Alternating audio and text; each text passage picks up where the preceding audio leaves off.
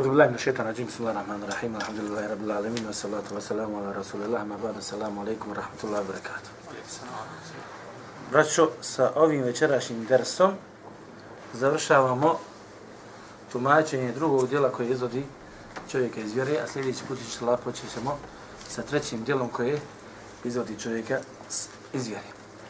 Večeras ja sam odlučio da malo, s obzirom smo puno govorili kaburovima, o pravu koji ima vlasnik kabura, o pravu koji ima onaj koji dolazi na kabur i Allahom subhanahu ta'ala pravu, ja sam večeras lučio malo zataknem isto šta su to, da spominjem neke stvari o, koje su spomenuli islamski učenjaci kada su, pitali, kada su pitanju neka fikska, neki fikski propisi vezani, koji su vezani za kabur.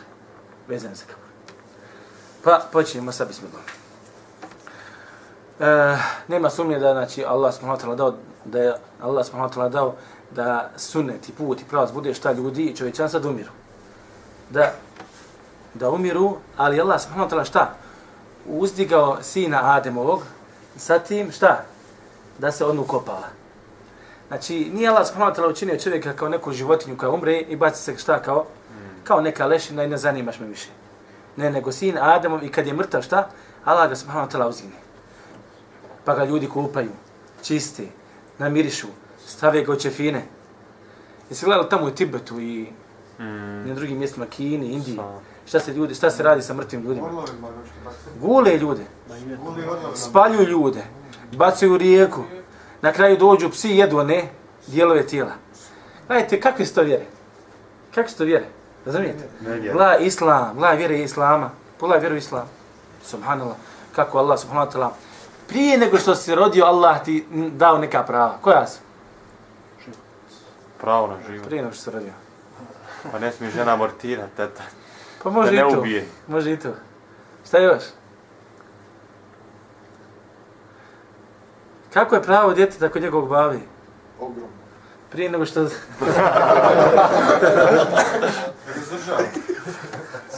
Prije nego što se rodio. Da ti odabere majku često. Je li tako? Da ti odabere čestitu majku. I zato je u pitanju ženi, bra, braćo, tražite česte žene. Neko kaže, pa da ja nisam poborni toga. Kažu, pa ne, ja ću nju navesti, previšću ja nju, polako, ja ću nju, ono, kao, obraživati. Mm. Ja stavno ovaj termin obraživati, ružan. Kao radit ću sa njom, trudit se oko nje, pa će ona šta biti sve bolja i bolja. Trudit se ti okolo, ali kad je pitan tvoja žena, ako imaš priliku da oženiš čestu ili ženu, ženu vjernicu, ona ti je najpriča. Razumijete? Jer to je brak. Nakon toga dolaze djeca, odgoj same djeci. Ja, moja žena treba da odgaja šta? Moju djecu, a žena vidi kako treba. Žena ima problema, razumijete? Zato osnova je šta da čovjek oženi, oženi heli ženu. I to je pravo samog djeteta. Pravo samo. Pa nakon toga sve do svoje smrti Allah subhanahu wa ta'ala štiti pravo čovjekom. Čovjekovo pravo. I nakon smrti Allah subhanahu wa ta'ala dao mu je ova prava koja mu je dao, koje ću mi neka od njih spomenuti. Aleikum salam, rahmatullahi wa barakatuh. E, Šta je sa pripremanjem mjesta? Možeš da pripremiš sebi neko mjesto gdje ćeš ti biti ukopan. Je li dozvoljeno? Misliš rezervsa? Može tako. Kupiti zemlju, dva. Ne znam. Dozvoljeno je čovjeku. Dozvoljeno je čovjeku, dakle, ako se radi znači, o njegovom pravnom vlasništvu, da se pripremi mjesto. Međutim, šta je sa da iskopa sebi kabur? Ili da li mi je dozvoljeno da pripremim sve mjesto u mezarju koje je pod vakufom? I zaučnjaci ga zovu musebele za vas koji učite arabski jezik.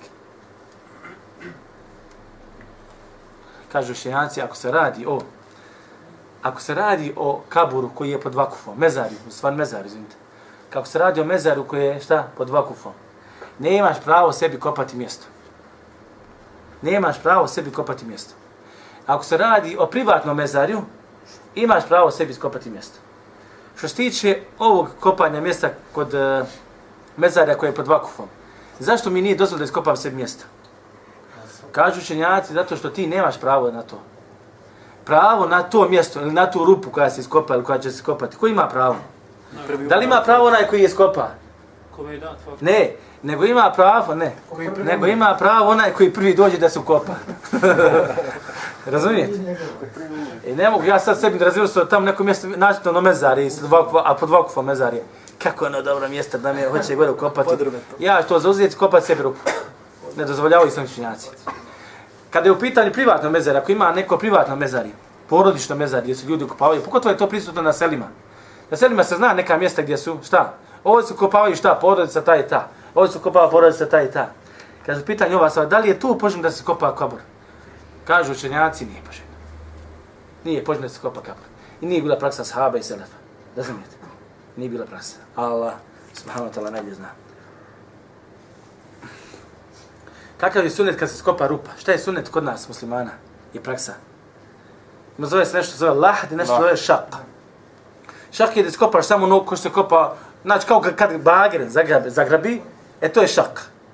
Ali ti kad uđeš u tu rupu, pa u smjeru kible, iskopaš još jedan mali kanal, gdje ćeš ubaziti čovjeka, to za lahat. To je za nas. I jedno, i drugo, i jedan, i drugi način su dozvoljeni po šarijatu. Ako je pukao čovjeka u šaku, ili u lahdu, jedno drugo je ispravno. S tim što, ovo je bliže sunetu. Jel u redu? Ovo je, ovo je bliže sunetu. Ja sad spominjam, braću, ja, vas, ja vam večera spominjam samo, znači, e, zaključke onoga sa čim došli islamski činjaci. A kad bi ovo išlo detaljno razilaženje, neka ušli u razilaženja i dokaze, buf, Allah akbar. Ovo je bio novi, novi serijal. novi serijal. Dobro, koliko je pođeno da se iskopa kabur? Duboko.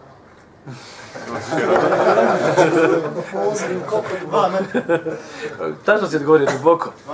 U osnovi traži se od čovjeka da, da je kabur šta? Poželjno da je kabur bude dubok.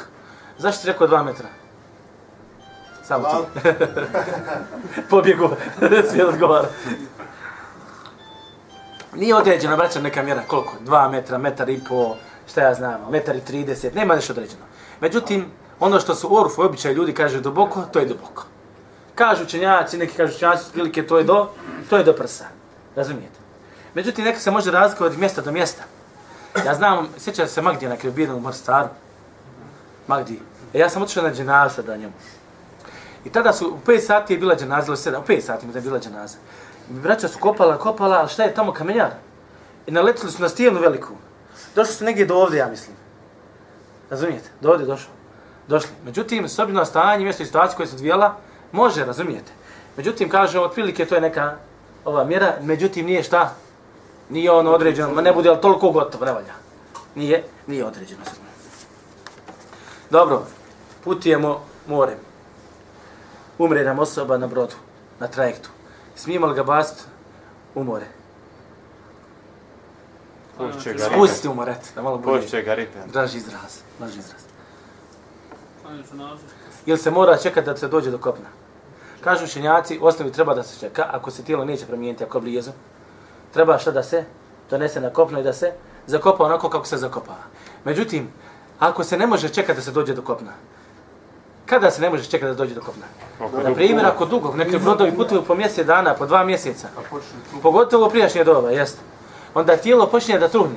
I ti budeš li čekao dva mjeseca da dođe do kopna, ti ćeš imati šta? Nećeš imati ništa, nećeš imati šta ukopati. I smrad.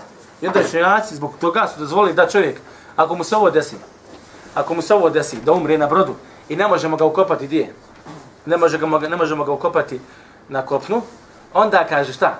Okupamo ga, umotamo go čefine, klanjamo mu dženazu i onda se baca u more. S tim što činjaci su dodali jednu jednu stvar ovdje, jako bitno, kaže, uz njega se veže nešto teško, kako bi, kaže, potonuo do dna, do dna mora. Kako su bana islam štiti čovjeke kako mu daje pravo neko, neko smrti. Zar nije ovaj lijep? S koje god strane priđeš, kada je u pitanju, s koje god strane vjere priđeš, naši, naše vjere priđeš, uvijek ćeš nas ta da je stvar stavljena na njeno mjesto. Dobro. Allah akbar. Da li je dozvoljeno, na primjer, da kopamo mrtvaca na mjestu u mezarju, gdje je ukopan prije toga prijašnji čovjek, ali s vremenom je istrunuo. Jeste. To s prošli put spomenuo. Ja sam spomenuo. Dobro da pamtite nešto ostalo glavi. Dozvoljno je, braćo. Ako, ako, ako tijelo istruhni i istruhnu kosti, dozvoljno da se druga osoba ukopa na to mjesto. Jer faktički na tom mjestu je ostala samo šta? Taška. Zemlja. Nema više te mrtve osobe. Razumijete? Međutim, ako bi se skopavalo i došlo do kostiju, ili znalo da se tu kost da je mrtva osoba, nije istrula, nije dozvoljeno to. A šta ako bi naletili na malo, malo kostiju? Ostaviš Nešto malo sitno ostalo, Ostaviš u- Na stranu. učenjaci kažu dozvoljeno da se kopa tu druga osoba, a da se te kosti šta? Malo sklone po strani. Ovo je pod uslovom da šta? Da se radi o samo malo, da je ostalo malo mali dio toga čovjeka. Da li je dozvoljeno osobi koja kopa, kako kažu, kod nas kažu raka, ali tako? Jel muslimani kažu raka ili Srbi ili, ili kršćani? Pojma. Da li mi govorimo raka? Govori neki. Govore je naš neki. Eto, mezar, kad, kupila, kad, kad kopaš kabur. Da li je dozvoljeno da čovjek koji kopa kabur uzma pare za tu naknadu? Dobro, ima, dozvoljeno je, nema smetnje. Kao što me dozvoljeno da uzme iz Bejtul Mala isto za tu, za taj posao. Dobro, kad umre čovjek, ko je najpriči da ga ukopa? Sinak. Njegove lije. Njegova porodica, muška porodica, muška loza. Najbliža njemu.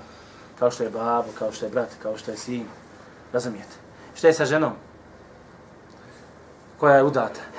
Kad ona predstavlja, Jeste. je muž, Ko ima veće pravo, muž ili njena rodbina? muž. Muž i djeca. Ako nije imao pol, ako nije imao polni odnos noć prije, Nebitno, nebitno, nevezano za to. Ne, ne, to, sad, to je nešto drugo. Da. Muž. Muž i djeca. Nije bitno sad to, ne gledam tu mesel, to je što propisno gledam. Kaže većina učenjaka, braćo, da ima prednost, ima njena porodica, ne muž. Ovo je stav većine učenjaka. Zato što, zato što je Omer radi Allah tala anhu. Kad mu je umrla žena, otišao do njene porodice i rekao, kaže, kaže, e, entum e biha. Vi ste, kaže, preći za nju. Kaže, vi ste, pre, kao vi ste preći da radite, završavate ove stvari. Znači, što se tiče žene, preći je šta? njena porodica, nakon toga njen muž. Dobro, šta, šta ako se desi da e, da umre žena, nema mahrema nikako, lijati svojih porodice, mahrema. Kad kažem evlije, mislim su muške strane, braćo. E sad, desi se da žena umre, umrla žena. Međutim, nema nikakvu porodicu koja se, uopšte nema porodice. Jedinka. Ko će ukopati? Da li će ukopati muškarci, stranci, ili će ukopati žene? muškarac, stran, polica. Jest. Kopat će muškarci stranci. Talha je ukopao kćerku poslanika sallallahu alaihi wa sallam. Razumijete? A ne, a ne žene. Da li je dozvoljeno da se ukopava čovjek noću? Jesu. Jeste. Dozvoljeno da se čovjek ukopava noću pod uslovom da se ne uskrati bilo koje pravo samog čovjeka koji se ukopava. Razumijete? Pa, na primjer, hoćemo da ukopamo osobu na večer. Zašto je dozvoljeno? Zato što su neki ashabi ukopani noću. Razumijete? Neka čovjek kada živi u nekoj sredini i živi neki običaj adet, adet, onda mu se ustali u glavi, ne može nikako druga drugačije osim ovako. Razumijete? Ne, to je adet, običaj. Hajde malo ta adet izmjeri sa vagom Kur'ana i Sunneta i praksom poslanika sallallahu alejhi ve sellem. Pa ako Sunnet i Kur'an daju malo tolerancije, pusti malo više. Ako ti suže, moraš iti suze, moraš iti šta? Suziti. Što se tiče, što se tiče ukopavanja noću, braćo, Učenjaci su dozvolili s tim da se ne uskrati pravo samog čovjeka koji se ukopava. Pa, na primjer, hoćeš da kopaš noć, nećeš čekaš dan. Ali ne mogu da kupim čefin osim šta? Po danu nisu otvorene radnje, čekaj dan. To će. Razumijete? Ne mogu da ga o, o, operem, brake, ne mogu da ga okupam, čekaj dan. Razumijete? Klanjanje, čekaj dan. Međutim, šta? Ako se ne uskrate njegova prava, ispune se prava koje je šerijat, koje je šerijat šta? Obavezao da se ispune šta? Kada je u pitanju mrtvac, onda dozvoljeno da se kopa osoba i noću. Kod nas ljudi neki vraćo znaju raditi, šta znaju. Ja sam gledao baš jedne prilike. Ukopan mrtvac, sad kad su krenuli da nasipaju zemlju na njega. Ovaj jedan uzme granu, uzeo granu i bacio jedale. I, zako, i onda su ga zakopali. Ovo nije u sunet, nije praksa poslanika sallallahu alaihi sallam. Ali sam se sjetio zašto možda to radi. Prošlanik, poslanik sallallahu alaihi sallam prošao jedne prilike sa sahabima pred dva kabura. I uzeo je granu, svježu granu, ne suhu. I propolovio je i jedan dio je zabao u jedan kabur, a drugi šta? U drugi kabur. I zašto je to rekao, ova dva kabura radila sto i to grijeh radili koji su radili, pa kaže, možda će im, kaže, olakšati šta? Kaburske muke, šta dok se ta dva drvate ne osuši. Međutim, islamski učenjaci su rekli šta? Da ova stvar je šta posebna za poslanike sallallahu alejhi ve sellem. I to nije praksa nas muslimana da radimo tu stvar. Možda je to nekako s došlo i kod nas, kod do naših glava, ali malo na drugačiji, na drugačiji način. Ah, isto tako nije dozvoljeno ljudi nekad iz ljubavi prema mrtvoj osobi. Zato što je puno voli, ajde pa da mu malo i prostrijem po onom kaburu nešto. čaršaf ili nešto, nešto posebno, stavi mu jastuk pod glavu. Sve ovo nije propisano šarijetom. I ove stvari se ne radi. I ove stvari se ne radi. Na koji način su nosi mrtva osoba u kabur? Na koji način? Šta ide prvo ruka, noge, glava? Kaže, ovo, kaže što se tiče ove stvari, što se tiče ove stvari, stvar ima širine dosta. Znači u šarijatu ima širine dosta, vraću. I neki učenjaci kažu, stavlja se onako kako je najlakše. Stavlja se onako, unosi se onako kako je najlakše. Ali opet Allah smo hotela najbolje, najbolje zna. E, isto tako obaveza nam je da okrenemo šta? Mrtvu osobu prema kibli. I da je okrenemo na njegu, i isto tako treba da se uradi šta? Da se okrene na desnu stranu. Znači ako je kibla vamo, da se položi osoba ovako i da se okrene na njegovu desnu, desnu stranu. A je li noge prema kibli ili glava? E, Tijelo. ni glava, ni čitavo tijelo. Ovo, na primjer, ovo su noge. Ja. A ovo je, na primjer, u stvari, pošto je desna strana, ovako, ovo, ovo, ovo je glava, ovo je noge. E ovako treba da bude okrenut. Nakant, nakant. Ali šta, digneš ga nakant. Ovo je, na primjer, desna ruka. Na boku, pa ja. Jeste shvatili? Na bok, na desni bok. Na desni bok prema kibli. A zašto na leđa, leđu? Stavljaju na leđa onaj. Pa zato To što nema stavlja. Pa nema napravio A nije kod nas, ja, nije, ja sam predstavljeno, nije, nije tako. Kod nas, se spušta. ja sam gledao gdje ljudi okreću prema, prema kibli. Stavi je malo kamenčića ispod jedne strane. ništa, Onda samo malo- spusti, da da ja spustim. Idemo dalje, braću. Idemo dalje.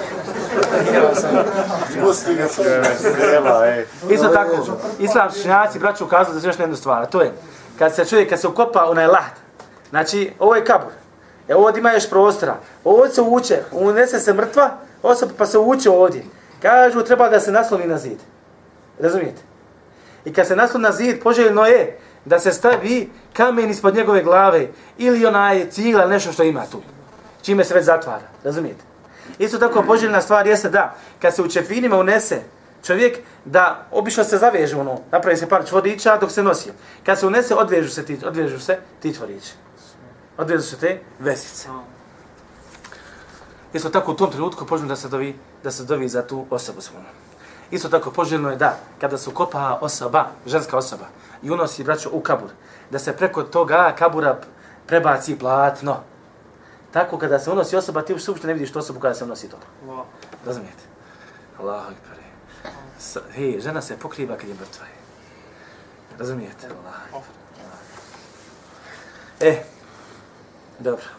E, kada se zatrpa kabur, poželjno je šta? Da jedna stopa bude, maksimalno jedna stopa, iznad zemlje. Da, ka, šta ćemo s onom zemljom što ostane? Ona se šta razasipa? Razgrni. Ona se više ne vraća na kabur. Nego se kabur diže jednu stopu i to je to. Sad, da li je poželjno da kabur ide ovako kao, ono, kao u špicu, ili kad idemo, kada ga dignemo na tu jednu stopu da ga poravnamo? Pravno.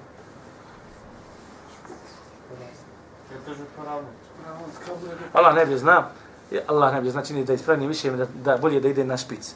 Jedan od razloga zašto su učenjaci rekli, kažu, zato ako se poravna, kaže, tu će se voda zadržavati, kaže, dolazit će životinje, kaže, i voda će pod kabur i piće tu vodu. Jedan od razloga spomenu. A inače, kaže, Allah ne bi zna, bolje, kaže, te snimu, bolje, kaže, da ide šta? Na špic. Nije na špic, nemoj me sad zvati ono bukvalno, već ono, da ono ima Dobro, da, kako Taj najveći dio Maja, peder, Maja. Isto tako došlo u sunetu poslanika sallallahu alejhi ve sellem kada bi završio sa tom zemljom da bi bacio popusko vode po toj, po toj zemlji. Zašto? Allah subhanahu wa ta'ala najbolje zna. Međutim, ljudi dolaze, stavljaju cvijeće, stavljaju šta ja znam, neke gluposti, to nema veze sa šarijetom. Šta je kada je u pitanju pisanje po kaburovima? Dobra. Nije od cementa. Došla je u hadisu zabrana pisanja po kaburovima, ali koliko, koliko znam da je, ta, da je ta predaja slaba. Ali inače, u suštini, u osnovi, to nije bila praksa poslanika, sallallahu alaihi sallam, niti ashaba. Niti ashaba. Dobro. Da li je dozvoljeno čovjeku da se kopa u svome dvorištu, oko svoje kuće?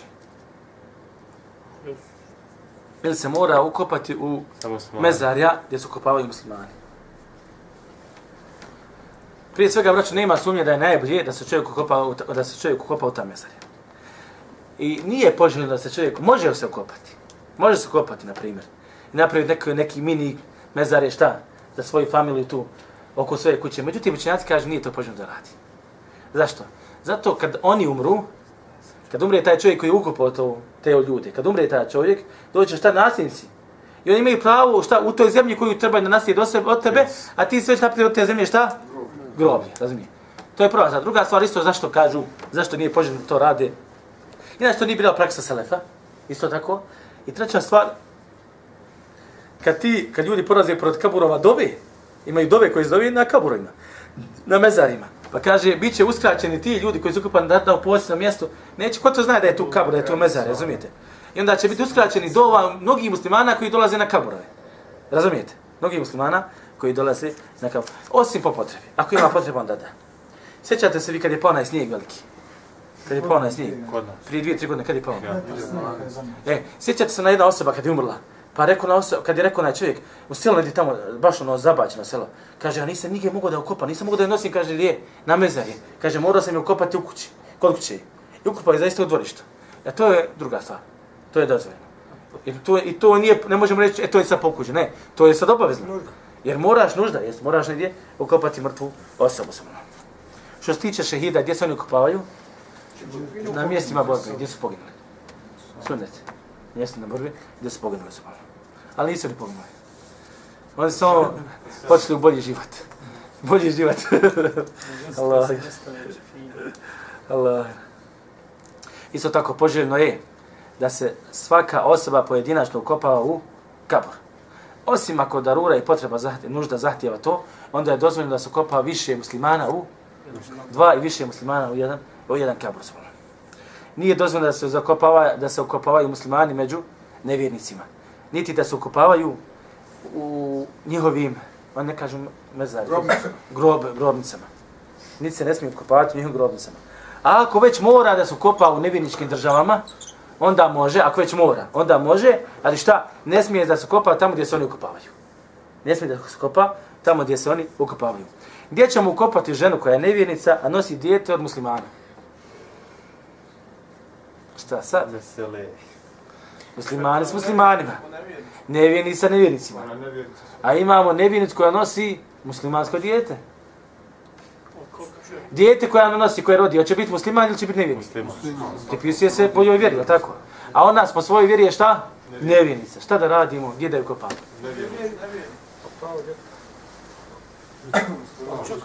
Ostalo stomaka? Ovi kažu nevjerničko, ovaj kažu muslimansko. Trudna umrla. A s djetetom umrla? S djetetom umrla. Gdje ćemo je kopati, braćo? Djetetom muslimanski, ne znam. Ovi kažu muslimansko. Ovi koji su rekli muslimansko, greška. Ovi koji su rekli nevjerničko, greška. Šta sad? kažu šenjaci, braćo, kaže, ukopao sam na posebno mjesto. Allah. Ukopao se?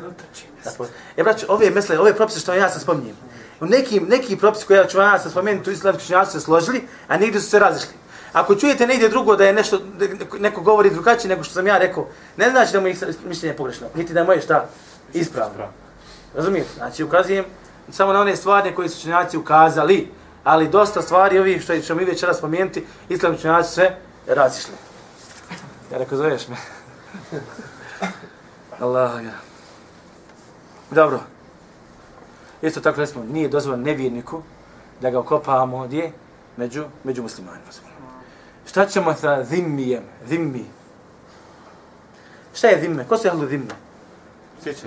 Kakav propisi nevjernici imaju su malaka su pitanju odnos muslimana i nevjernika kao, še, kao država? Imamo zimmi. Zimmi je onaj koji živi, braćo, među muslimanima. I da bi živio među islamskoj državi, i da bi živio u islamskoj državi, da bi dozvio dozvol da živi u islamskoj državi, mora plaćati džiziju. I kao takav zove se zimmi. Ko je muahad? Muahad je onaj koji ne živi, a to je ahd ugovor. Ahd ugovor. Muahad je onaj koji, živi, koji ne živi u našoj državi. Ali između nas i njih, šta? Između nas i njihove države imaju ugovori koji nas veži, koji poštijemo. Razumijete? O ne i drugim stvarima. I ima mustemin, a to je ko? Neko ko nema ugovor s državom, nema ugovor i ratujemo protiv njih. Ali smo mu dali emane da može ući u našu državu. I zato što smo dali emane da može ući našu državu, ne smijemo ga šta? Ubiti. Jer su tri osobe koje ne smiješ ubiti po islamu. Zimmi, nevijeni koji živi u islamskoj državi plaća džiziju. Muahad, ako između dvije države ima ugovor na napadanju, među napadanju i zaštiti prava i zaštiti, ne smiješ šta? Ne smiješ i napadati. I mustemin, to je ona osoba kojom smo dali emanet, tijeko dolazi iz napadačke države. Države sa kojom mi ratujemo. Ali zato što smo njemu lično dali emanet, ne smijemo ga ubiti. I bilo koju bilo koji život od ova tri života ako uzmiješ, odgovarat će kod Allaha subhanahu wa ta'ala gospodara svjetova. Ali nema, nema sumnje da je uzimanje četvrtog života najgora stvar, najteža stvar, da to je da ubiješ vjernika.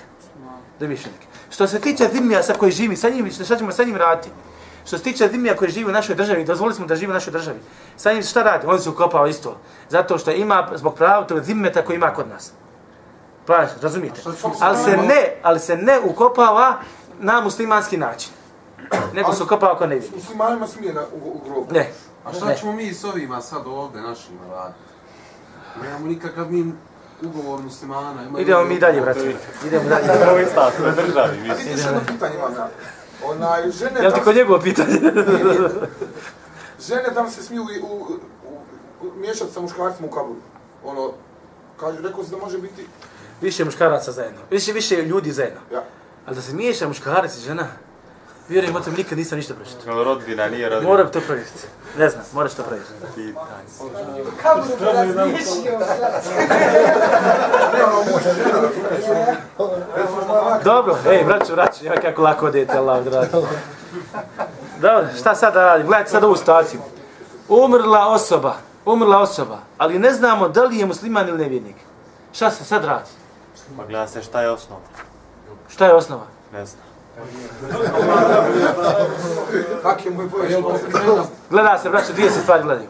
Gleda se gdje je umro. Da li umre među muslimanima ili nevjernicima. Prva stvar. Da, da li umre u muslimanskoj zemlji ili šta? Nevjerničkoj zemlji. I druga stvar, gleda se alameti, pokazatelji koji nam mogu kazati da li on šta, musliman ili je nevjernik. Umro čovjek, ne znaš da li je musliman nevjernik, ali šta? Ali otvoriš mu prsa kada ovdje krst, lančić. Razumijete? Odmah znamo šta je, odmah znamo gdje ćemo ga usmjeriti. E, osoba osunećena, pokazatelj toga da, da je musliman. Tako da se gleda u te znakove, pa se presuđuje preko tih stvari. Preko stvari gdje je umro, da li među muslimanima ili nevjernicima. I druga stvar, gleda se šta? Na, na, na stvari koje ukazuju na to da li je bio vjernik ili, ili nevjernik svojno. Isto tako, ako bi čovjek umro i raspali mu se dijelovi njegovog tijela, obavez je da se svi ti dijelovi sakupi da se ukopaju. Jel u redu, braćo? Obavez da svi ti dijelovi sakupi da se ukopaju. Isto tako, naravno, sve u mezari, e, muslimansko. Isto tako, ako bi dje, žena pobacila plod i to dijete dobilo oblik sina Ademovog, čovjeka, obavezno nam je šta da ga kopamo u mezari. Ako bi se čovjek desilo da žena pobaci u drugom mjesecu, prvom mjesecu, da li nam je obaveza da ga kopamo u mezari? Preće je da se kopa u mezari. Ali to je obična gruda mesa i to nije čovjek niti nema dušu u njoj. Pa ako bi se ukopao negdje drugo, znači neku jamu, ba, neku, bilo gdje je ukopao i sakrilo i prekrilo zemljom, u redu je. Zašto? Zato što to uopšte nije ljudsko tijelo. Nije ljudsko tijelo, nije čovjek, niti nema dušu, nema, nema dušu. Međutim, kao i drugi učenjaci kaže, međutim, opet nam i to draže da se kopa, kaže, u, u mezarju. Jer- Ali ako čovjek ne bi to radio, bilo bi ispravno. Reci, Jel se morao kopati? šta da se mora kopati? Pa taj... Pa treba se kopati, mislim, komad mesa, ne znam. Ja mislim da to niko... Dženaza, sve propis. Ne, ne klanjamo se dženaza, zato što mu nije udahnuta duša. Klanja se dženaza i klanja dženaza i kup, ne može se kup, ne znam skupa, pošto je to malo čudno. Dženaza se klanja, znači ako je udahnuta duša. Razumiješ, ako je udahnuta duša. Dobro, šta ako naletimo na jedan komad čovjekovog tijela? Hoćemo klanjati dženazu? Znači, kako klanjamo kad nađu jednu kost isto. Kakav je propis? Da li se klanja, da li se ne klanja? Nađeš na, nai, naišao samo na šaku. Nema ništa drugo osim šaki. Naišao samo na nogu. Naiđeš na pola čovjekovog tijela. Naiđeš na glavu. Vidjeli ste koliko puta slučajeva desilo se lobanju naleti, na lobanju ljudi. Da li se ovakvoj osobi klanja dženaza? A znaju to li Ili musliman? ti osobi, opet? nego da li se ovom dijelu tijela klanja dženaza? Slušajte razilaženja među islamskim učenjacima. Kažu hrepski skrunjaci da je propisano u šarijatu, da je propisano, da je propisano, da je propisano, a to je da se klanja šta? Da se klanja ovakvim dijelovima tijela ukoliko šta? Ima čovjeka više od pola. Znači, ako je više od pola tijela prisutno, onda se njemu klanja dženaza. U protivnom ne klanja se njemu dženaza. Što znači, kažu, ako je pola tijela samo prisutno, ne klanja se dženaza. Međutim, ako pola i više još malo tijela ima, onda se tako osobi klanja dženaza. To je spomenuo imam El Kesani, El Kesani, Allah spomenuo u knjigi eh, El Bedaj- Bedaju Sanaje, i kaže, وَلَا يُسَلَّا عَلَى بَعْدِ الْإِنسَانِ حَتَّى يُوجَدُ حَتَّى يُوجَدَ الْأَكْثَرُ مِنْهُ عِنْدَنَا. I kaže, kod nas, Šta znači kod nas? Kod nas, znači, hanefijski učenjaka, ne klanja se na dijelu čovjekovog tijela, sve dok ne bude njega šta? Većina. Znači, više od pola. Sve dok većina ne bude toga tijela prisutno kod nas. Kaže što je kod nas tako, znači, znači kod nas, kod hanefijski učenjaka. Malikije kažu da bi se moglo klanjati ovakvoj osobi na ovakvim dijelovima tijela, kaže, mora čovjeka biti više od dvije trećine. Mora čovjeka biti više od dvije trećine kako bi se mogla klanjati dženaza njemu. Ili kaže da ima više od... Pazite, sad ovo. Ovo znači, je, ovako, jedan, dva, tri. Znači, ako ima i dvije trećine, može. Je li tako? Ovo je pola. Međutim, kaže, ako bi ga bilo pola, malo više od pola, malo više od pola, a nije došao još do je, treće trećine, malo više od pola, i bila mu glava prisutna, opet mu se klanja. Je li redu? Allah akbar. Allah akbar. Šafijski učenjaci, ambelijski učenjaci kažu, e, skraćeno, ako ima čitav kompletan onaj organ, dijela, organ tijela, dio tijela, na njemu se klanja. Njemu se klanja dženaza. Pa ako naletiš na kompletnu ruku, šta? Klanja se dženaza. Naletiš na kompletnu nogu, na nogu stvari, klanja se dženaza. Ne znam da da li uslovljavaju kompletnu nogu. Uglavnom kaže, ako ima organ, dio tijela, organ sam po sebi kao ruka, klanja se. Noga, klanja se. I ono što ste sad spomenuo. Zašto? Zato što ima Mahmed kaže, Ebu Ejub, kaže, klanjao je, kaže, kada je naš naišao na nogu. Klanjao je dženazu, nozi, nogi. Omer, mi ovim kostima klanjamo. jest. Omer kaže, kada je bio u Šamu, klanjao je kostima. To što ti kaže. Kada je bio u Šamu, naišao na kosti, klanjao je kostima dženazu. Ebu Ubejde, isto tako, kada je bio u Šamu, naišao je na jednu glavu, pa je klanjao dženazu, isto je toj glavi. Tako, Allah ne bi zna, ovo zadnje izmišljenje ima zaista svoju snagu. I možda je najispravnije, ali teško reći da je ispravno. Razumijete? Nema dokaza, jel? Razumijete? Obaveza je, na nama je obaveza da klanjamo sinu Admu onđe nas. Međutim, da li je ruka sina Admu?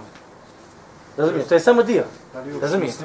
Jest. Ali pak sa Selefa je bila, kao što vidite, ovdje ima Mahmud ibn Hanbal spomenuo, tako Allah ne bi zna, ništa nećemo izgubiti ako klanjamo, a i da se imamo učenjaki koji su šta? To dozvolili. Šej, Salih ibn Semin kaže, pripazi, kaže, da iza tvog mišljenja nema nikakav alim učenjak. Onda je belaj, onda se belaj. Ako nema učenjaka iza tvog mišljenja, nestanu učenjaci iza tvog mišljenja, onda si ti na belaju. Pa ne znam ti kakav pokret dozmiješ i stav dozmiješ, pripazi da iza tebe, ako nema učenjaka, šuti. Traži prvo učenjaka koji će ti dozvoliti, pa onda tek onda možeš raditi. A ne tako svako po svojoj volji, mo da ja, šta me briga, mo da ja ovo, da ja ono. Vidiš, ja sam tu, ja sam to malo razmišljao. Moja loka meni govori da to treba raditi. Pusti svoj loka na stran, baci ima, u smeće. Dok učenja kaže ne može, kad učenja kaže može, onda tek može. Kad učenja kaže ne može, onda ne može. Ako bude slijedio put učenjaka Allah mi, blago njemu na ovome, na ovome, svijet su mi. Allahu akbar, šta smo spomenuli? Dijelove tijela, dobro, ovo smo spomenuli. Idemo dalje. E, ako bi čovjek oporučio, hoće da se kopam, u istoj državi se nalazi, ali hoće da me ukopate kad umrem na tom tom mjestu, znači neki drugi grad, odnesite me, taj taj grad, ukopajte me tamo, to, to mezarje, je li dozvoljeno? Ako je manet, jeste.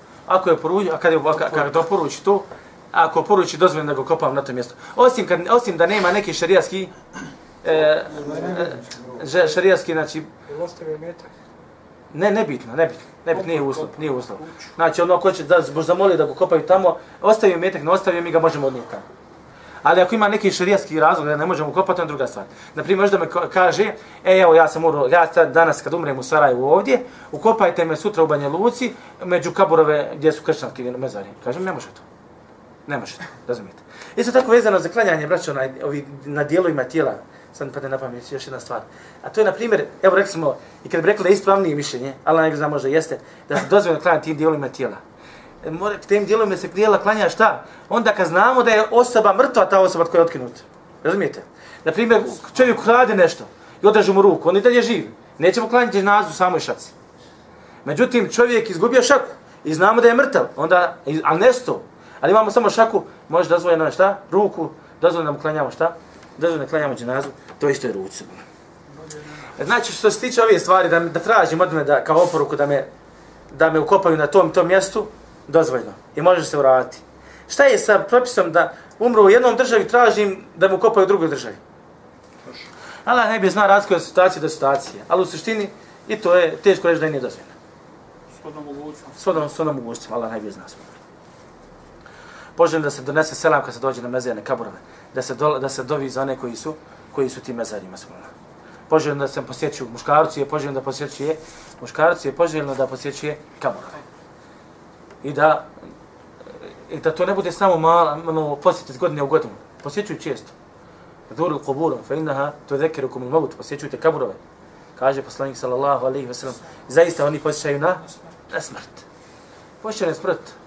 E, šta je pojenta? Šta je sa ženama, braćo? Ne idu. Pa razilaženje. Da li je dozvoljeno ženama da idu na kaburove? Ima i da jesti. Da nije. Da je iša radala na Da se ne zdržavaju, puno da ne ide često to.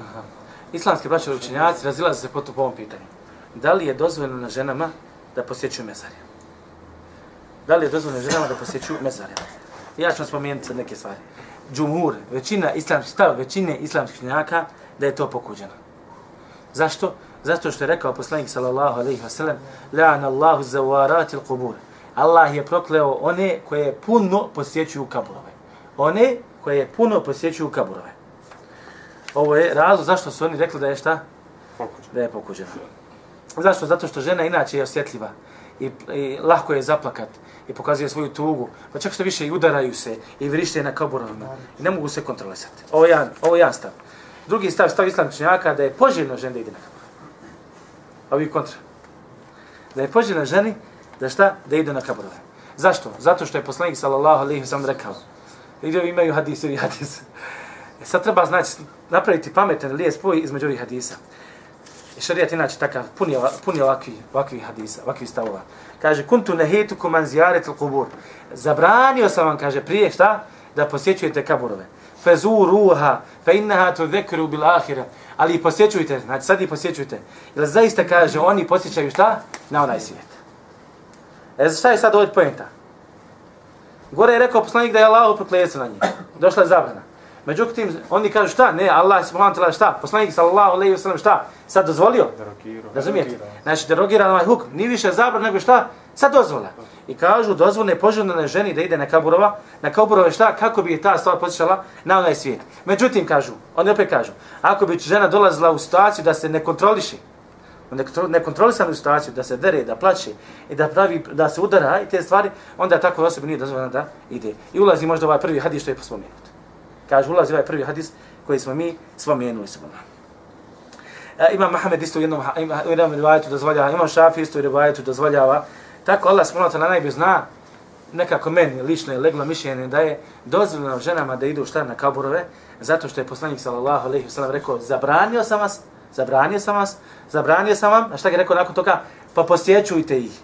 Je li rekao posjećujte i ovi muškarci ili rekao posjećujte ih? Nije rekao šta, ovo muškarci ili žene. Što znači šta? U šerijatu kad su naredbe i zabrane ne pravi se razlika osim da dođe šta između razlike, ne pravi se razlika između muškarca i žene osim da dođe šta? Posebna stvar koja ukazuje šta? Da se u ovom dijelu propisa pravi razlika između muškarca i između žene. Je li u redu? Dobro. Dokaz, još jedan dokaz za, jeste hadis koji bilježi imam, prenosi Al-Ethrem i Hakim, da je Abdullah ibn Ebi Mulejke, da je Aisha prošla, kaže, došla je Aisha, vidio je, vidio je Ajšu kako dolazi sa mezarja. Pa je pitao, o, um, ja umul mu'minin, o majka pravovjernik, vjernika. E, e, minejni akbelti, kaže, odakle si, kaže, došla? Kaže, dolazim od kabura moga brata Abdurrahmana, sina Ebu Bekra. Pa kaže u njoj, kaže, za nije poslanik sallallahu alejhi ve sellem zabranio ženama da posjećuju kaburove? Kaže, da. Thumma amara bi ziyaratiha, nakon toga je naredio da se posjećuju. Jeste ja jak dokaz. Nije rekao sam, ja iša rekla, da, a nakon toga je dozvolio je. Nego rekla, da, nakon toga je naredio. Što Allah subhanahu wa ta'ala najbolje zna, čini za ispravno mišljenje da je dozvoljeno. Ali da li je dozvoljeno ženi ako je u menstrualnom ciklusu? Nije. Ili muškarcu ako je džunup da ide na mezarije? A, braća. Ko je to hrav rekao nije? Je dokaz. Ima džin, pa da ga ne svrta. Nećete, jel? Nije džamija. Jel dozvoljeno, jel dozvoljeno tebi, na primjer, rođenjen si, i žena ti ima menstrualnu, ta, ima menstruaciju. Jel dozvoljeno da legneš u njeno krilo i učiš Koran? Jeste. Pustan kon odgovor. To je jedno, to je jedno. Jedino poslanik. Zar nije poslanik sallallahu alejhi bio najveći moralni osobina? Ako bi se trebalo, ako bi neko trebao pobjeći u takve situacije, to je onda on najpreći da on pobjene. Ja on je to jednu priliku uradio, čidima. A jesu radi, a mislim se da kaže. Dozvoljeno je, braćo. Nema, Allah ne bi zna, nema dokaz koji kazuje da žena koja ima, ako je žena pod menstruacijom, pod menstruacijom, ako se kužeš, e, ne smije ići na kabur. Ili čovjek ako je džunom šta ne smije ići na kabur. E, isto tako poslanik sallallahu alejhi ve sellem učio Kur'an u krilu Ajše dok je ona bila šta? Dok je imala menstruaciju. Samo nama žene ne bi dale da sednemo u krilo pod menstruaciju.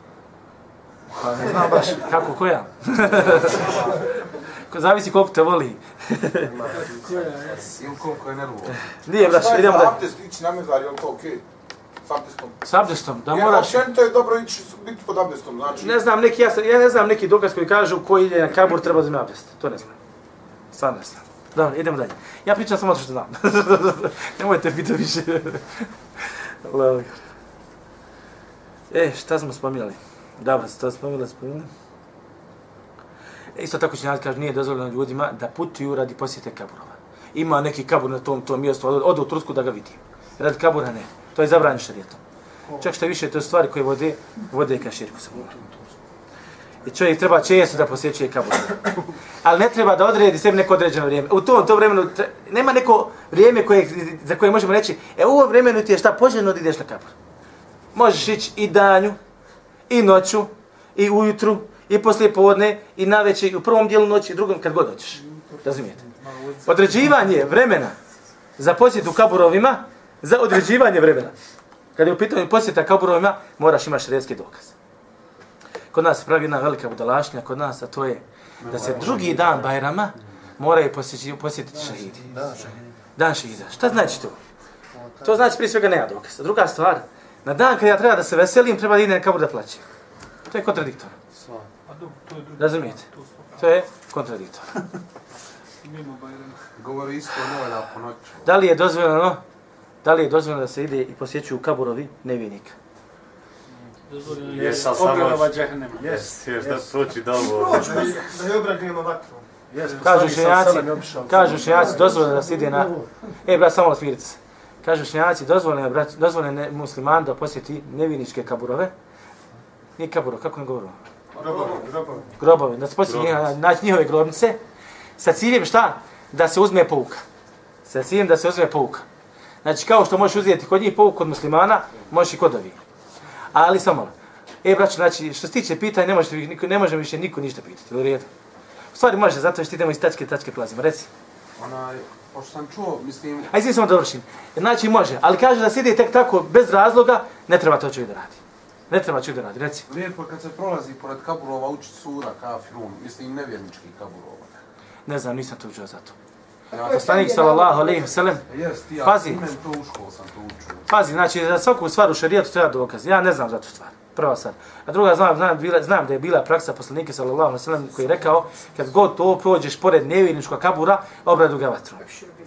Ebšir binar. Obradu ga vatru. Pa mu kažem, pa, pa mu kaže, kažeš, raduj se vatri. Ovo znam da je bila praksa. A što se tiče sura kafira, zaista ne znam. Što ne znači da nema. Što ne znači da nema. Dobro, znajte isto tako, mnogi kaburovi koji, koji su pripisani šta vjerovjesnicima i poslanicima, ovo je kabur Šuajba, ovo je kabur Ibrahima, ovo je kabur ovoga, to je sve sto kaburovi za koja se ne može, koji, za koje se šta ne zna, da li je zaista to kabur poslanika. I Allahova mudrost bila da se ti kaburovi šta? Sakriju. Da se ti kabur, osi kabur poslanika, sallallahu alaihi sallam, za kojih se jasno zna da je, da je njegov, da je njegov kabur. Allahu akbar. Dobro. Klanjanje namaza kod kaburova na mezariju nije dozvoljeno. Obavljanje namaza na mezarijima nije dozvoljeno zato što je došla zabrana od poslanika sallallahu alaihi wa sallam. Da li je dozvoljeno kraj obavljanje dženazije na mezariju? Jesu. Jeste, dozvoljeno. Druga stvar, ukopali smo osobu i zatrpali je, ali nismo joj klanjali dženazu. Šta se radi? Ne otkopava se. Nego se klanja, klanja mu se dženaza onako kao šta? Kao kako se ukopala. Ne iskopava se, nego se klanja odmah dženaza. Jel u redu? Znači, ako se desi da se čovjeku nije klanjalo dženaza, dođe se na kabur i klanja se tu na kaburu njemu dženaza. Eh, i ovo isto. Ovo sad, ova stvar, ulema se dosta razilazi, ja ću vam spomenuti samo ono mišljenje za koje smatram Allah ne bi zna da je najispravnije, jer da tog mišljenja stoji šeji Islam Temi ibn Qajim i šeji Salih ibn Themin mada i druga mišljenja se jaka, to je da li je dozvoljeno klanjati dženazu osobi koja nije prisutna. Osobi tamo neki klanjam dženazu osobi čovjek koja, čovjek koja je u Kini, koja je u Indiji, koja je u Saudiji. Su. Pa poslanik na Kome? Đaš. Neđaši, dobro. I šta iz ovoga je za, iz, za, za, sve Ne je dozvoljeno. To je zvoni. dozvoljeno u svakom slučaju. Pa, Nije u svakom. Ali ja ne znam, braćo. Čini da, bar je meni ovo mišljenja ispravljeno. Neću vam spominjati ostale mišljenja da se zamaram. Nije da se zamaram, nego puno smo stvari spomenuli. Jer da ulazimo u detalje, izgubili se. E, osobi, ako nije klanjanje dženaze, nas nije, nije, nije se klanjalo dženazu u tom mjestu gdje je umro, dozvoljeno nama šta da mu klanjamo dženazu u odsutstvu. Da mu klanjamo dženazu u odsutstvu. A ako mu se klanja dženaza, ako mu se klanja dženaza, onda Allah ne bi zna, ne treba se klanja dženaza. S tim, e, gledajte sad jednu stvar, gledajte šta je islam. S obzirom da se islam, ha moram sad ću spomenuti druga mišljenje, pa ćete biti. Drugi dio učenjaka kaže, hoće zbog jedne druge koriste. Drugi dio učenjaka kaže da dozvoljeno da se klanja dženaza uvijek. Klanjalo mu se, ne klanjalo. Razumijete, ovo je drugo mišljenje. Treće mišljenje, kaže učenjaci, kaže, dozvoljeno da se klanja dženaza odsustvu onim ljudima koji su napravili veliki hajr za muslimane. Pa Neđaš je radi veliki hajr za muslimane tako što je zaštitio muslimane. E sad kažu učenjaci, dozvoljeno da se klanja dženaza, šta? Muslimanima, na primjer muđahidima ili učenjacima i ljudima koji su činili veliki hajr za muslimane, pa je dozvoljeno da se klanja šta u odsustvu njemu, pa makar mu se klanjala dženaza. I gledajte, sad imamo razilaženja. Imamo razilaženje. E sad, ja sam uzeo za jedno mišljenje. Međutim, gledajte šta, ako se nalazi u šerijatskoj državi, imaš imama, i ima muslimana naredi, naredi da se klanja dženaza toj i toj osobi u odsustvu. A ja sam mišljenje da se ne treba klanjati. Ali ima mišljenje da se može klanjati. Učenjaci kažu, ja ću klanjati zato što je naredio Emirul Mu'minin. Islamski halifa naredio. I zato što je naredio. Ja sad šta radim ovdje? Radim, slijedim emi, Emirul Mu'minin, halifu u islamskoj državi. Ovo je znači šta? Radi je muslimana. Iako sam stava da ne treba se klanjati toj osobi. Zapamite ovo dobro. Što znači, ako, i- ako učenjaci, ako imami, vladari, traže nešto od nas, a mi se ne slažemo sa njima u tom propisu, ali u tom propisu i vladar ima mišljenje islam učenjaka, imaju učenjaci koji podržavaju njega, treba da ga podrža. Bez obzira što se ne slažem sa njim. Razumijete, reci. Sad ovo kad je bilo u Turskoj, ovaj zemlje, su isto su klanjali ovdje naši u džamijama. Pazi, znači to je sad, Lema rekao, da se Lema se razišla. U Lema se razišla tako da je sva što ima, ali ja govorim sad, znači ako ima halifa, ako ima emir, ako ima vladar, kad naredi, onda smo dužni klanjamo. Radi šta? Radi jedinstva muslimana. Jel u redu? Ne bitno, nemoj mi sad ulaz munim tu te, te stvari. Ti jesi ti klanjaš, da nije se, ja sam ti rekao kako su propisi i ti sad pametan si razum, ako si shvatio, drži se onoga što si shvatio. Ako nisi shvatio, pitaj ponovno. Dobro, kad se spušta mrtva osoba u kabu, treba učiti ezan. Ne, treba učiti. To je, to je znači, stvar koja je, nema veze s. Kur'an, Allah akbar, isto tako poželim da se dovi za osobu kada se, kada se, kada se unese u kabur, da se dovi za tu, za tu osobu. osnovno. Da li je dozvolio kad, do- kad dođem na kabur, da molim za sebe? Ukopam osobu, dozvolim mi da dovim za tu osobu. Kad dođem na kabur, ne smijem dobiti one koji su u kaburima. Kad se nalazim kod kabura, kod kabura, idem li prebrzo? dobro je. Jeste shvatili sve? Dobro. Nalazim se sad kod kabura, na mezara sam došao. Da li mi je dozvoljeno da dovim za sebe? Da li se nije tak došao, misliš da će pomoći spored njega, onda nije. Ako svakako doviš za sebe, gdje god da si, onda ne. Ako dođeš s ciljem da dobiš tu, ciljem da dođeš, smatraš da je tu. Međutim, slučajno se našao na mezer, kabur došao i sad palo ti na pamet da dobiš za sebe, može. Ali u ovom slučaju kreni prema kibli. Nemoj da te gledaju ljude kako se okrenu prema kaburu. Jer mogu pomniti šta? Da tražiš od njega. Iako ostavi ova stvar, ovo mjesto nije mjesto šta gdje čovjek treba da dovi za sebe. Učenje Kur'ana kod kaburova, na mezarima, Nema temeljenja. nema temeljenja. Ja, bliže na otari nego, nego ispravnosti. Klanje životinja kod kaburova. Dobra, Kakav je propis? Širk. Ko zakolje životinju kod kabura. kabura. Ko zakolje, ti sad nema ništa pričati. Ko zakolje, zakolje životinju, nima dvojica koji ste čuli. Ko zakolje životinju kod kabura. Kakav je propis te osobe? Se. Pa ako je zaklo radi kabura, tog radi onog unutra širke počine odmah. Dobro, Treba njega tačno. A, a kad nije širk? Ako zakore kod kabura radi Allaha, ima Allaha zakolje. Ali smatra da je tu nekako bolje mu je ta, ta ibada, bolje, vi- više ćemo se, više ćemo ga Allah primiti, onda je uradio novotariju. Onda je uradio novotariju. Dobro.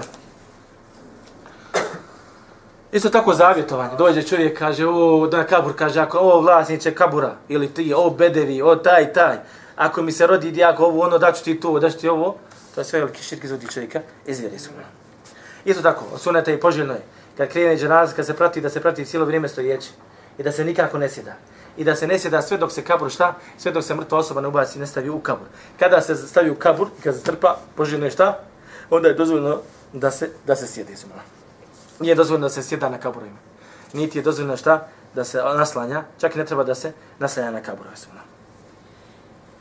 A za, isto tako ne treba, nije poželjno kad se dešava ova situacija dženazi ili kad si na mezarju. Kad si na mezarju ili kad klanja džena, ili kad se vrši ukop mrtve osobe ili klanja dženazi na mezarju, nije poželjno da se priča o dunjalku. Nije poželjno da se priča o dunjalku. Znači. Niti je poželjno da se diže glas, a kamoli da se, kamoli da se smije. Neki dan smo meni dođe jedna osoba, ona radi u bolnici, sad kako je no, umrla jedna osoba, kaže, sve mi mi smo, ja, jedna moja kolegica, odeli smo i kaže, dole u, u tu mrtvacu gdje je ta bolnica, mi smo se smijali, smijali. Gdje se smija? Nije to rekao mi za smijanje. Kaže, se nas je nešto puklo, nismo, kaže, i ona kaže, odvali, kaže, mi se nismo mogli zaustaviti. Ja rekao se, vala? Tako šeitan odvrati, na. Isto tako zabranjeno je dodirivanje kabura i ono ljubljenje u smislu kao neki vidi badeta. Ili dođu imate običaj kod Arapa, kod Arapa ima običaj on dotekne onaj ka, ono ono mezar ili onaj kako zove? Nišan i kaže selam alejkum rahmet kao ono rukovo se sa mrtvom osobom. Sve to bilo poželjno je poželjno je isto tako da da ko ima mogućnosti da u okufi zemlju za mezari jesu to jedan veliki veliki hajr Da li je dozvoljeno građenje zida oko mezarja? mezarja, ali ko mezarja. Yes. Oko mezarja. Oko...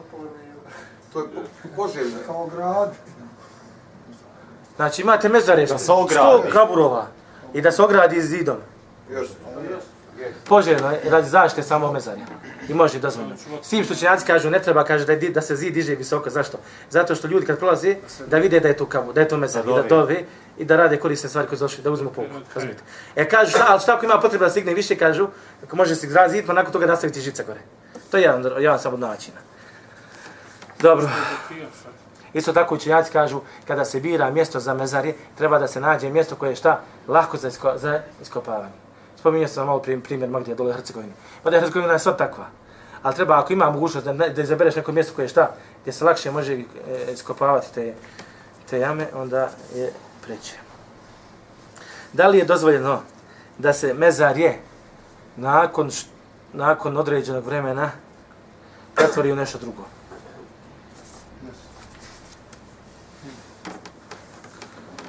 Allah ne bi zna, jedan dio učenjaka, jedan dio učenjaka smatra da mezar ako izgubi svoju funkciju i dugo vremena prođe, istruhnu sve kosti i da više ne ostane ništa od tijela tu, a nema više funkciju mezarja, dozvoljeno da se pretvori nešto da se gradi meći džam ili, ili neka druga stvar. Koliko je to godina? E to još mora pitati one koji imaju iskustvo sa tim. Ne znam, ne znam. Da li je dozvoljeno nakon što smo ukopali osobu, da iz određenog razloga iskopamo tu osobu iz kabura? Yes. Se premjesti, jel? Iz Iz razloga. određenih razloga. Yes.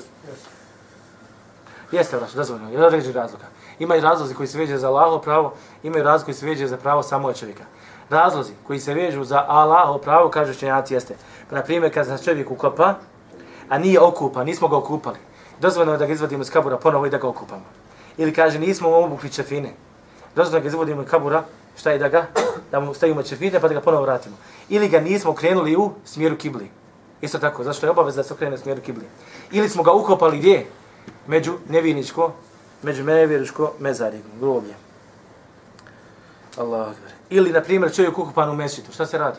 Obaveza je šta da ga iskopamo iz džamije, ukupan u džamiji. Obaveza je da se izvadi iz džamije i prenese na neko drugo mjesto. Međutim, rekli smo, a međutim, ako je ukopan, nije mu se klanjalo, nećemo ga bati.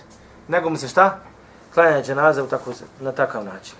Isto tako, prava koja se veže za samog čovjeka, kažu, na primjer, da je čovjek ukopan na mjestu koje je šta? Koje je bespravno oduzeto. Ja imam komad zemlji. I sad dođe čovjek ukopa mi tu mrtvu osobu. Nema što pravo da radiš.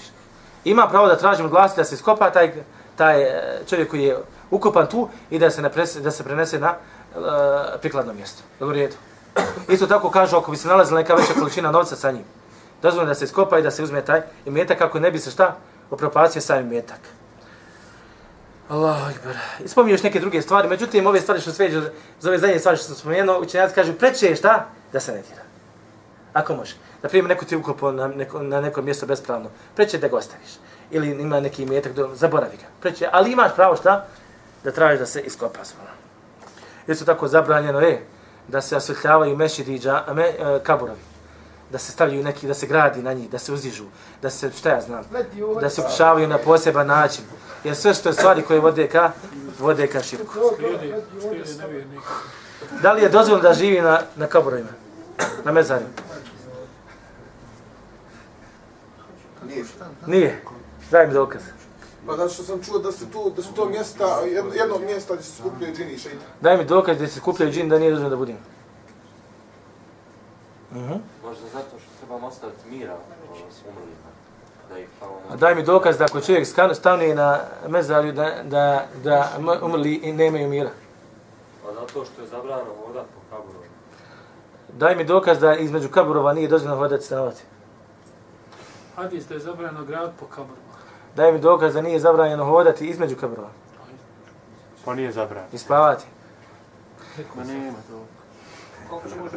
Učenjaci braćo kažu da je po, pokuđeno, da je pokuđeno da čovjek živi na mezarju ili da spava na mezarju. Da je pokuđeno. Allah ne bi zna, ne čini za neja zabrana, s tim što, ja znam Malibir Kapić, ne prilike, on je bio dole u Egiptu. Kaže, Semir, kaže, ne prilike, kaže, još je ne meni jedna tačka do- ostala i pa ćemo završiti. Kaže, jedne prilike, kaže, ja, ja brat izgubio je dijete dole u Egiptu, al Kahire, u Kairu. Bio je u Kairu. I kaže, mi smo završili papirologiju, sve krenuli da ga ukopamo, to dijete. I kad smo došli na, na mezar i njihovo, kaže, mi smo se, kaže, zabunili. Šta su, šta je dočekalo? Kaže, Semire, oni se uopšte ne kopavaju, kaže, u zemlju onako kao što mi ukopamo. Oni, kaže, kaže, ima jedna velika vrata i otvara se, kaže, ta vrata i dole je, kaže, ogromna i velika sala. Dole je ogromna i velika sala. I oni, kaže, samo unesu mrtvu osobu i staje pored druge mrtve osobe i izađu. Kaže, zašto nešto zemlja nije takva, nešto, zbog nebušnosti same zemlje, ne znam, zapravo spomene neki razlog, nemo da se ti šta je razlog. A to je u Kairu, ne znaš da je svugdje u Egiptu, ne znam kako je pravno. I kaže, mi smo sad zbunili, kaže, brat ne zna šta da radi, hoće da kopa svoje dijete, kaže ovako, ovi traži da ga stavi, da ga stavi na mjesto. A kaže, to je prošla procedura i sad vremena dok su izgradili papiri i sve sredili, hoćemo da dasimo negdje drugo, ne možeš, nemaš priliku. I kaže, bio pristajan, kaže, da ga tu stavi. Ja šta je pojenta? Kaže, tu je, naš, naš sebi da kaže, koji je to smratu, kako to smrti. A iznad ti, subhanallah, kako je to čudna stvar, a iznad ti vrata i na tom mjestu, to je neka, šta ja znam, površina, kako sam ga shvatio, ima ljudi koji žive tu, braće. Oni su toliko siromašni da ne mogu živjeti ni drugo osim tu. A kaže, to je tolika fugrašnja. I kad bi, kad, kad bi, a tu smrti, kaže se, rekao smrti. Kaže, kad bi ga natjerao, kaže, da ide negdje drugo, kaže, bi plako, molio bi te da ostane tu. I između ostalo, kaže, tu se plaćaju ljudi, kaže, da koji trebaju da čuvaju neka posebna mjesta koja treba da sta, gdje, se, gdje imaju posebna mjesta, rezervacije, gdje treba bogataži da se stave kad, kad umru. Ti ja kad pričam, ja nisam mogu da vjerujem, ne mogu da dođem sebom. Rekao, šta pričaš tu? Znaš da mi je pričao on od nekog brata koji je to slušao priča, a rekao bi možda o, o neka fula. On ništa vidio sveće. On ništa vidio. Tako čudna stvar. Ili hajde je neka tamo za... I zadnja tačka koju ćemo večeras spomenuti, braća, to jeste da je obaveza muslimanima, kao što nam nije dozvoljeno da se kopava među njihova, među, među njihove kaburove, znači njihove nevjerničke kaburove, isto tako mezarja muslimanska i grobnice nevjerničke, ne samo da se trebaju razvojiti, kaže, nek trebaju biti daleko jedna druge. I ne treba se to raditi. I ako bi se desilo da, bi, da se musliman ukopa među njihove kaburove, vadi se. Ili njihov čovjek ukopa među nje, ne, među naše kaburove, vadi se i vraća se svako na svoje mjesto. Svako na svoje mjesto. Tako ovo je, znači, ovo smo spomenuli neke propise vezane za, za same kaburove. Molim Allah smo da nam da korist na ovome, na onome svijetu, kao pitanje ovo znanje šarijatsko i da nas uči poduči propisima vjere i da nas učini od onih koji slijede Allahu subhanahu wa ta'ala vjeru i traže njegovo zadovoljstvo. Allah vam dao svako dobro. Mm -hmm.